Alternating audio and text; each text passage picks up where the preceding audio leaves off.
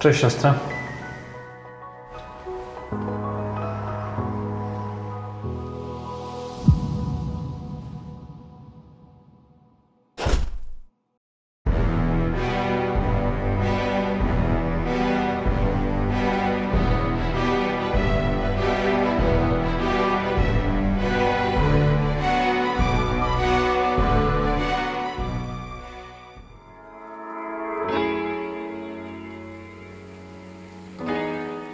Młodsza siostra to jak wyrok. Wyrok na twoje dzieciństwo. Bo rodzice często zapominają, że przecież ty też masz swoje życie i może rola wiecznego anioła stróża nie jest do końca tym, co sobie wymarzyłeś jako nastolatek.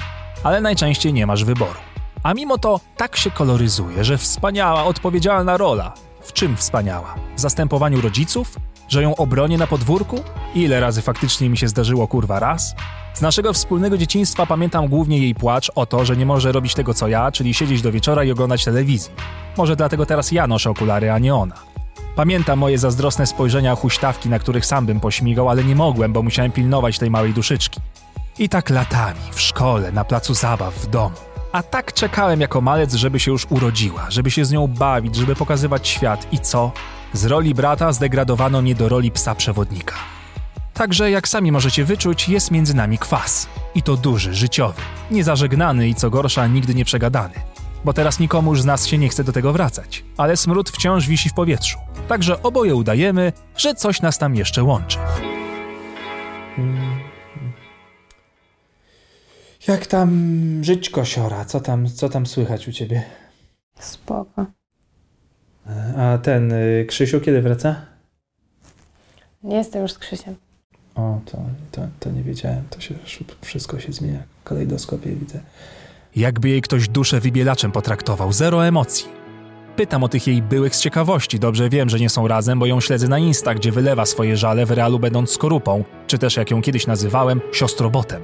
Bo z niej taki właśnie robot. Jakby była wycięta z papieru, dwuwymiarowa. Tak ją widzę, bo od lat jej kurwa nie znam i strasznie mnie to boli.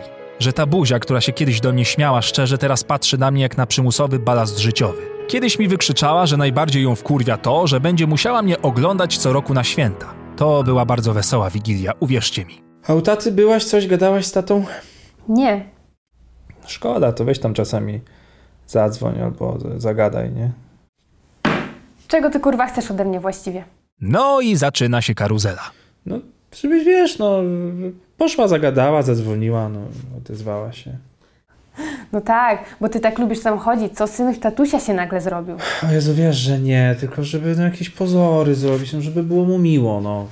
Kurwa, pozory, żeby było miło. Czy ciebie do reszty pojebało? Zawsze mnie dupa boli, że ona tak przeklina. Sam rzucam mięsem, ale we własnej głowie. Na żywo bym chyba tak nie umiał. Mało tego, że nam życie zjebał, to teraz jeszcze mamy do niego chodzić i na starość mu szklankę wody podawać, tak? Za co? O, poczekaj, wiem za co. Za to, że dar na mnie mordę, za każdym razem jak dostałam dwóje z matmy, chociaż jak pojebana zapierdalałam ciągle na korepetycję. O, albo może za to, jak traktował mamę. Ale po co razu mamę w to wciągać, no? Który normalny człowiek chodzi na kurwy, kiedy twoja żona i matka twoich dzieci leży na chemioterapii? W jakim świecie ty żyjesz? No, o tym nigdy nie wspominałem, bo się sam tego wstydzę. Że takie rzeczy u mnie w rodzinie. Że nie dość, że mamy nie ma, to jeszcze jej koniec tak wyglądał. Mi z tym głupio, nie chcę o tym gadać ani myśleć, a ona w drugą stronę. Każda kłótnia się do tego sprowadza. No i kto sobie z tym lepiej radzi? Ja, bo milczę i trzymam to w sobie, żeby nie truć innym? Czy ona, która żyje tylko tamtymi chwilami i nie może iść dalej? Więc się podlewa białym chardonnay praktycznie codziennie.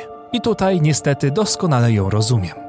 Nie rozumiem tylko, co się stało z nami, że to wszystko tak epicko się zesrało, że nawet pogadać normalnie się nie da. Dobra, wiesz co, chodźmy na spacer, bo jak nie pójdziemy, to zaraz rozjebiesz siebie, albo ciebie, albo kurwa wszystko.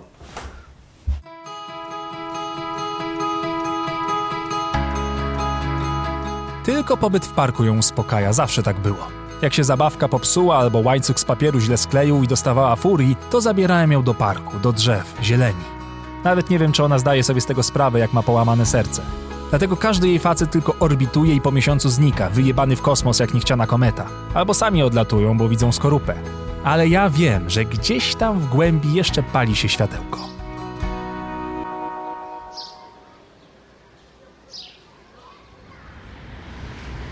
Pamiętasz, jak kiedyś zjebałam się z tej huśtawki? O, no, cała ręka w gipsie była. No. A pamiętasz, kto mnie zaniósł do domu? No oczywiście, że pamiętam. Nie pamiętam, tata? Nie, ty. Mm. Szkoda, że już mnie nigdzie nie nosisz na rękach. Może dlatego, że jesteś gruba i śmierdzisz. Chujek. Okruchy humoru rzucone na tą wyschniętą glebę naszych relacji czasami kiełkują na kilka minut. Potem szybko umierają, bo nie ma komu podlewać. Ja jestem za suchą ziemią, ona za srogim słońcem. Ale czasami się udaje, nawiązujemy nić porozumienia, gadamy beztrosko, jakbyśmy znów mieli po 10 i 15 lat i dyskutowali o tym, kto jest najsilniejszy w Lidze Sprawiedliwości, popisywali się znajomością wszystkich imion Pokémonów z każdej generacji, wymieniali się tazosami z chipsów albo nucili pod nosem smurfne hity, jarając się figurkami z McDonalda, które były wtedy dla nas najważniejszymi kolekcjami na całym świecie. Więc trzymam się tych myśli i tej rozmowy do końca, tak długo jak się da. Bo jak się skończy, to wiadomo.